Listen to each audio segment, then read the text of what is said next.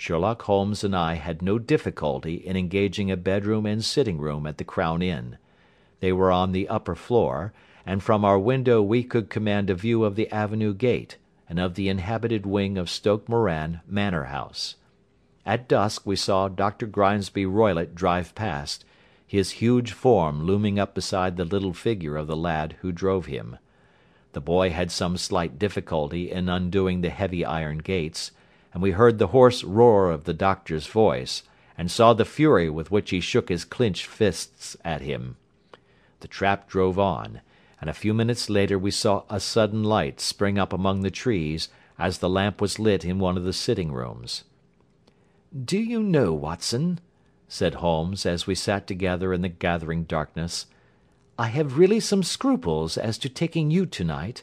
There is a distinct element of danger. Can I be of assistance? Your presence might be invaluable. Then I shall certainly come. It is very kind of you. You speak of danger. You have evidently seen more in these rooms than was visible to me. No, but I fancy that I may have deduced a little more. I imagine that you saw all that I did. I saw nothing remarkable save the bell rope, and what purpose that could answer I confess is more than I can imagine."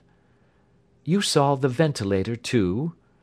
"Yes, but I do not think that it is such a very unusual thing to have a small opening between two rooms. It was so small that a rat could hardly pass through." "I knew that we should find a ventilator before ever we came to Stoke Moran." "My dear Holmes!" "Oh, yes, I did. You remember in her statement she said that her sister could smell Dr. Roylott's cigar. Now, of course that suggested at once that there must be a communication between the two rooms. It could only be a small one, or it would have been remarked upon at the coroner's inquiry. I deduced a ventilator." "But what harm can there be in that?" "Well, there is at least a curious coincidence of dates. A ventilator is made a cord is hung, and a lady who sleeps in the bed dies. Does that not strike you?" "I cannot as yet see any connection." "Did you observe anything very peculiar about that bed?"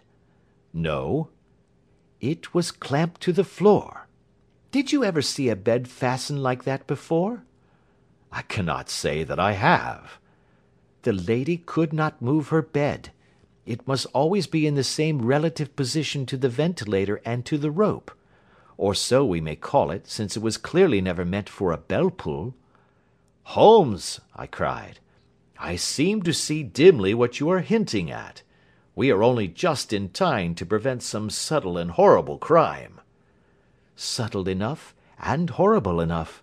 When a doctor does go wrong he is the first of criminals. He has nerve and he has knowledge. Palmer and Pritchard were among the heads of their profession. This man strikes even deeper, but I think, Watson, that we shall be able to strike deeper still. Yet, we shall have horrors enough before the night is over. For goodness' sake let us have a quiet pipe, and turn our minds for a few hours to something more cheerful." About nine o'clock the light among the trees was extinguished, and all was dark in the direction of the manor house. Two hours passed slowly away, and then suddenly, just at the stroke of eleven, a single bright light shone out right in front of us. "That is our signal," said Holmes, springing to his feet. "It comes from the middle window." As we passed out he exchanged a few words with the landlord, explaining that we were going on a late visit to an acquaintance, and that it was possible that we might spend the night there. A moment later we were out on the dark road a chill wind blowing in our faces, and one yellow light twinkling in front of us through the gloom, to guide us on our sombre errand. There was little difficulty in entering the grounds, for unrepaired breaches gaped in the old park wall. Making our way among the trees, we reached the lawn, crossed it, and were about to enter through the window when out from a clump of laurel bushes there darted what seemed to be a hideous and distorted child, who threw itself upon the grass with writhing limbs, and then ran swiftly across the lawn into the darkness. "My God!" I whispered. "Did you see it?" Holmes was for the moment as startled as I. His hand closed like a vice upon my wrist in his agitation. Then he broke into a low laugh and put his lips to my ear. "It is a nice household," he murmured. "That is the baboon." I had forgotten the strange pets which the doctor affected. There was a cheetah, too; perhaps we might find it upon our shoulders at any moment. I confess that I felt easier in my mind when, after following Holmes's example and slipping off my shoes, I found myself inside the bedroom. My companion noiselessly closed the shutters, moved the lamp onto the table, and cast his eyes round the room. All was as we had seen it in the daytime. Then creeping up to me and making a trumpet of his hand, he whispered into my ear again so gently that it was all that I could do to distinguish the words. "The least sound would be fatal to our plans." I nodded to show that I had heard. "We must sit without light. He would see it through the ventilator." I nodded again. "Do not go asleep. Your very life may depend upon it. Have your pistol ready in case we should need it. I will sit on the side of the bed, and you in that chair." I took out my revolver and laid it on the corner of the table. Holmes had brought up a long thin cane, and this he placed upon the bed beside him. By it he laid the box of matches and the stump of a candle. Then he turned down the lamp and we were left in darkness. How shall I ever forget that dreadful vigil? I could not hear a sound not even the drawing of a breath, and yet I knew that my companion sat open eyed, within a few feet of me, in the same state of nervous tension in which I was myself. The shutters cut off the least ray of light, and we waited in absolute darkness. From outside came the occasional cry of a night bird, and once at our very window a long drawn cat like whine, which told us that the cheetah was indeed at liberty. Far away we could hear the deep tones of the parish clock, which boomed out every quarter of an hour. How long they seemed, those quarters! Twelve struck, and one, and two, and three, and still we sat waiting silently for whatever might befall. Suddenly there was the momentary gleam of a light up in the direction of the ventilator, which vanished immediately, but was succeeded by a strong smell of burning oil and heated metal. Someone in the next room had lit a dark lantern. I heard a gentle sound of movement, and then all was silent once more, though the smell grew stronger. For half an hour I sat with straining ears. Then suddenly another sound became audible a very gentle, soothing sound, like that of a small jet of steam escaping continually from a kettle. The instant that we heard it, Holmes sprang from the bed, struck a match, and lashed furiously with his cane at the bell pull. "You see it, Watson?" he yelled. "You see it?" But I saw nothing. At the moment when Holmes struck the light, I heard a low, clear whistle, but the sudden glare flashing into my weary eyes made it impossible for me to tell what it was at which my friend lashed so savagely. I could, however see that his face was deadly pale and filled with horror and loathing. He had ceased to strike and was gazing up at the ventilator, when suddenly there broke from the silence of the night the most horrible cry to which I have ever listened. It swelled up louder and louder, a hoarse yell of pain and fear and anger all mingled in the one dreadful shriek. They say that away down in the village, and even in the distant parsonage, that cry raised the sleepers from their beds. It struck cold to our hearts, and I stood gazing at Holmes, and he at me, until the last echoes of it had died away into the silence from which it rose. "What can it mean?" I gasped. "It means that it is all over," Holmes answered. "And perhaps, after all, it is for the best. Take your pistol and we will enter Dr. Roylott's room. With a grave face he lit the lamp, and led the way down the corridor. Twice he struck at the chamber door without any reply from within. Then he turned the handle, and entered, I at his heels, with the cocked pistol in my hand. It was a singular sight which met our eyes. On the table stood a dark lantern with the shutter half open, throwing a brilliant beam of light upon the iron safe, the door of which was ajar. Beside this table, on the wooden chair, sat Dr. Grimesby Roylott clad in a long grey dressing gown, his bare ankles protruding beneath, and his feet thrust into red heelless Turkish slippers. Across his lap lay the short stock with the long lash which we had noticed during the day. His chin was cocked upward, and his eyes were fixed in a dreadful, rigid stare at the corner of the ceiling.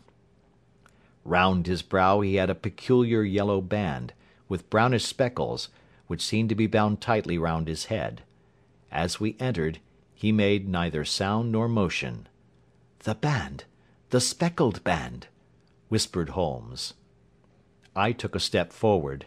In an instant his strange headgear began to move, and there reared itself from among his hair the squat diamond shaped head and puffed neck of a loathsome serpent. "It is a swamp adder!" cried Holmes.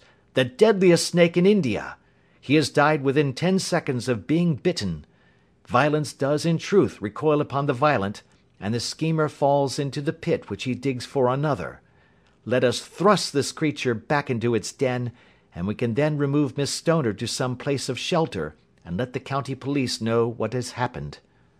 As he spoke he drew the dog whip swiftly from the dead man's lap, and throwing the noose round the reptile's neck he drew it from its horrid perch, and carrying it at arm's length, threw it into the iron safe, which he closed upon it. Such are the true facts of the death of Dr. Grimesby Roylott of Stoke Moran. It is not necessary that I should prolong a narrative which has already run to too great a length by telling how we broke the sad news to the terrified girl, how we conveyed her by the morning train to the care of her good aunt at Harrow, of how the slow process of official inquiry came to the conclusion that the doctor met his fate while indiscreetly playing with a dangerous pet. The little which I had yet to learn of the case was told me by Sherlock Holmes as we travelled back next day. "I had," said he, "come to an entirely erroneous conclusion which shows, my dear Watson, how dangerous it always is to reason from insufficient data. The presence of the gipsies, and the use of the word band, which was used by the poor girl, no doubt, to explain the appearance which she had caught a hurried glimpse of by the light of her match, were sufficient to put me upon an entirely wrong scent.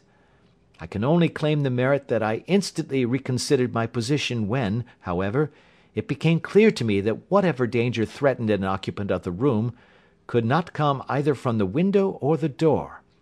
My attention was speedily drawn, as I have already remarked to you, to this ventilator, and to the bell rope which hung down to the bed. The discovery that this was a dummy, and that the bed was clamped to the floor, instantly gave rise to the suspicion that the rope was there as a bridge for something passing through the hole and coming to the bed. The idea of a snake instantly occurred to me, and when I coupled it with my knowledge that the doctor was furnished with a supply of creatures from India, I felt that I was probably on the right track. The idea of using a form of poison which could not possibly be discovered by any chemical test was just such a one as would occur to a clever and ruthless man who had had an Eastern training.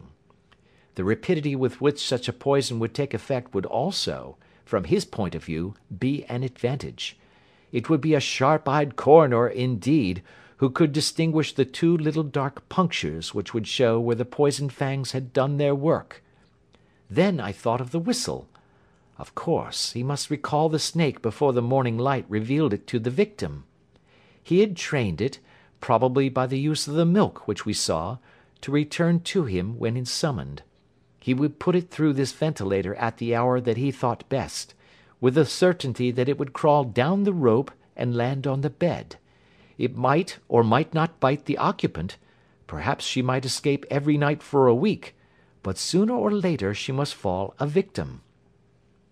I had come to these conclusions before ever I had entered his room. An inspection of his chair showed me that he had been in the habit of standing on it, which of course would be necessary in order that he should reach the ventilator. The sight of the safe, the saucer of milk, and the loop of whipcord were enough to finally dispel any doubts which may have remained. The metallic clang heard by Miss Stoner was obviously caused by her stepfather hastily closing the door of his safe upon its terrible occupant. Having once made up my mind, you know the steps which I took in order to put the matter to the proof. I heard the creature hiss, as I have no doubt that you did also, and I instantly lit the light and attacked it. With the result of driving it through the ventilator. And also with the result of causing it to turn upon its master at the other side. Some of the blows of my cane came home and roused its snakish temper, so that it flew upon the first person it saw. In this way I am no doubt indirectly responsible for Dr. Grimesby Roylott's death, and I cannot say that it is likely to weigh very heavily upon my conscience.